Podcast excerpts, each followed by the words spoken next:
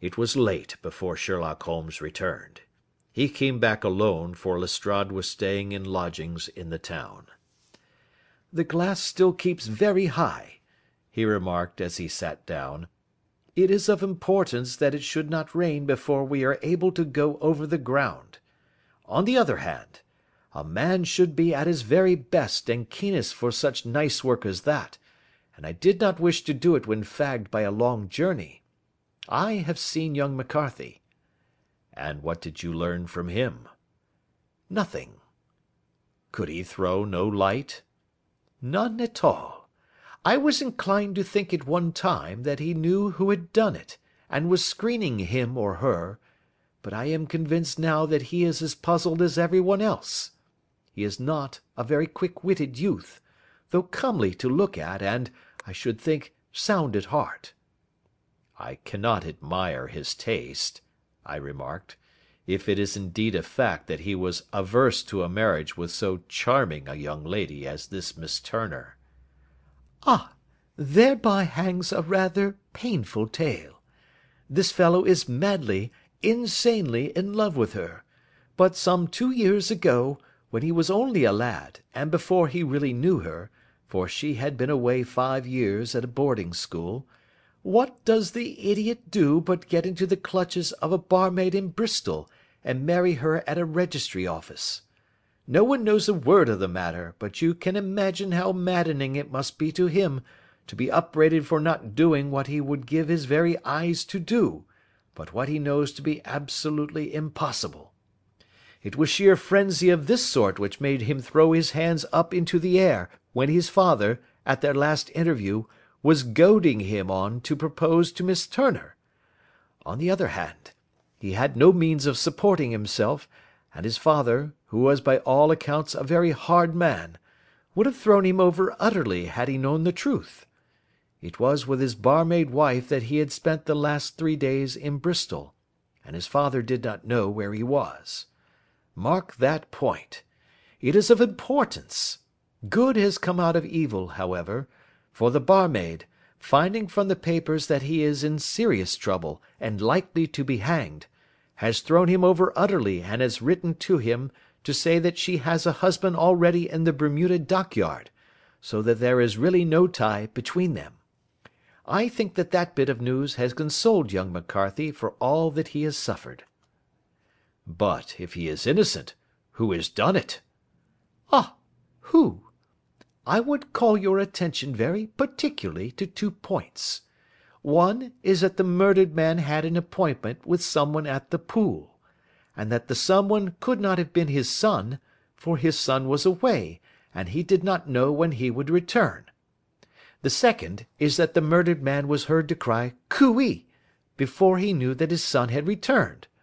Those are the crucial points upon which the case depends. And now let us talk about George Meredith, if you please, and we shall leave all minor matters until to morrow." There was no rain, as Holmes had foretold, and the morning broke bright and cloudless. At nine o'clock Lestrade called for us with the carriage, and we set off for Hatherley Farm and the Boscombe Pool. "There is serious news this morning," Lestrade observed. "It is said that Mr. Turner, of the Hall, is so ill that his life is despaired of." "An elderly man, I presume?" said Holmes. "About sixty. But his constitution has been shattered by his life abroad, and he has been in failing health for some time. This business has had a very bad effect upon him. He was an old friend of McCarthy's, and, I may add, a great benefactor to him, for I have learned that he gave him Hatherley Farm rent free. "Indeed!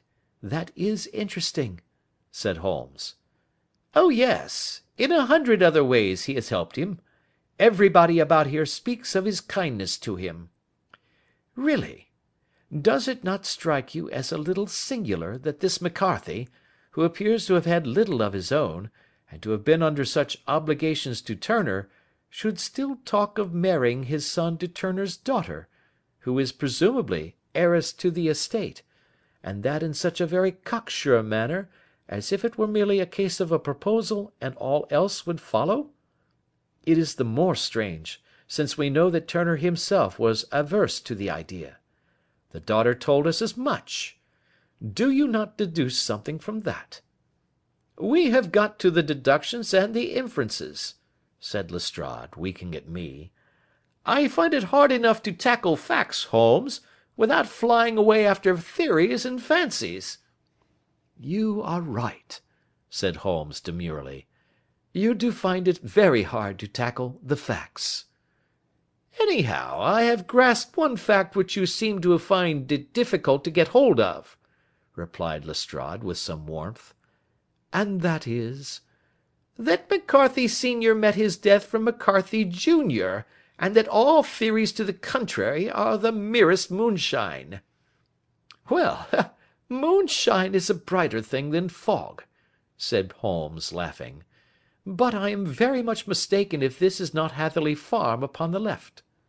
"Yes, that is it." It was a wide spread, comfortable looking building, two storied, slate roofed, with great yellow blotches of lichen upon the grey walls. The drawn blinds and the smokeless chimneys, however, gave it a stricken look, as though the weight of this horror still lay heavy upon it. We called at the door, when the maid, at Holmes's request, showed us the boots which her master wore at the time of his death, and also a pair of the son's, though not the pair which he had then had. Having measured these very carefully from seven or eight different points, Holmes desired to be led to the courtyard, from which we all followed the winding track which led to Boscombe Pool. Sherlock Holmes was transformed when he was hot upon such a scent as this. Men who had only known the quiet thinker and logician of Baker Street would have failed to recognise him. His face flushed and darkened.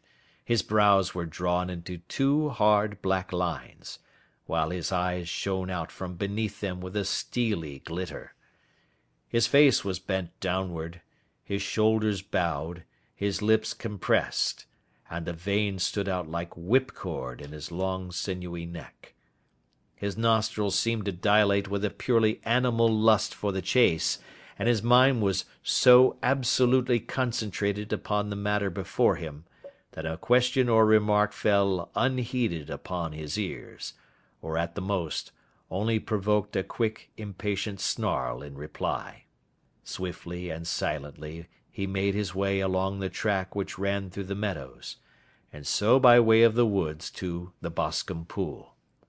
It was damp, marshy ground, as is all that district, and there were marks of many feet, both upon the path and amid the short grass which bounded it on either side. Sometimes Holmes would hurry on, sometimes stopped dead, and once he made quite a little detour into the meadow. Lestrade and I walked behind him, the detective indifferent and contemptuous, while I watched my friend with the interest which sprang from the conviction that every one of his actions was directed towards a definite end. The Boscombe Pool, which is a little reed girt sheet of water some fifty yards across, is situated at the boundary between the Hatherley Farm and the private park of the wealthy Mr. Turner. Above the woods which lined it upon the farther side we could see the red jutting pinnacles which marked the site of the rich landowner's dwelling. On the Hatherley side of the pool the woods grew very thick, and there was a narrow belt of sodden grass twenty paces across, between the edge of the trees and the reeds which lined the lake. Lestrade showed us the exact spot at which the body had been found, and, indeed, so moist was the ground, that I could plainly see the traces which had been left by the fall of the stricken man. To Holmes, as I could see by his eager face and peering eyes, very many other things were to be read upon the trampled grass. He ran round like a dog who is picking up a scent, and then turned upon my companion. "What did you go into the pool for?" he asked. "I fished about with a rake. I thought there might be some weapon or other trace. But how on earth "Oh, tut, tut, I have no time. That left foot of yours with its inward twist is all over the place. A mole could trace it, and there it vanishes among the reeds. Oh, how simple it would all have been had I been here before they came like a herd of buffalo and wallowed all over it. Here is where the party with the lodge keeper came, and they have covered all tracks for six or eight feet round the body. But here are three separate tracks of the same feet. He drew out a lens, and lay down upon his waterproof to have a better view, talking all the time rather to himself than to us. These are young McCarthy's feet. Twice he was walking, and once he ran swiftly, so that the soles are deeply marked and the heels hardly visible. That bears out his story. He ran when he saw his father on the ground. Then here are the father's feet as he paced up and down. What is this, then? It is the butt end of the gun as the son stood listening. And this? Ha ha! What have we here? Tiptoes! Tiptoes! Square, too, quite unusual boots. They come, they go, they come again. Of course, that was for the cloak. Now where did they come from? He ran up and down, sometimes losing, sometimes finding the track until we were well within the edge of the wood, and under the shadow of a great beech, the largest tree in the neighbourhood. Holmes traced his way to the farther side of this, and lay down once more upon his face with a little cry of satisfaction. For a long time he remained there, turning over the leaves and dried sticks, gathering up what seemed to me to be dust into an envelope, and examining with his lens not only the ground, but even the bark of the tree as far as he could reach.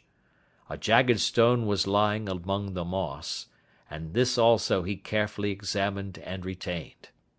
Then he followed a pathway through the wood until he came to the high road, where all traces were lost. "It has been a case of considerable interest," he remarked, returning to his natural manner. "I fancy that this grey house on the right must be the lodge.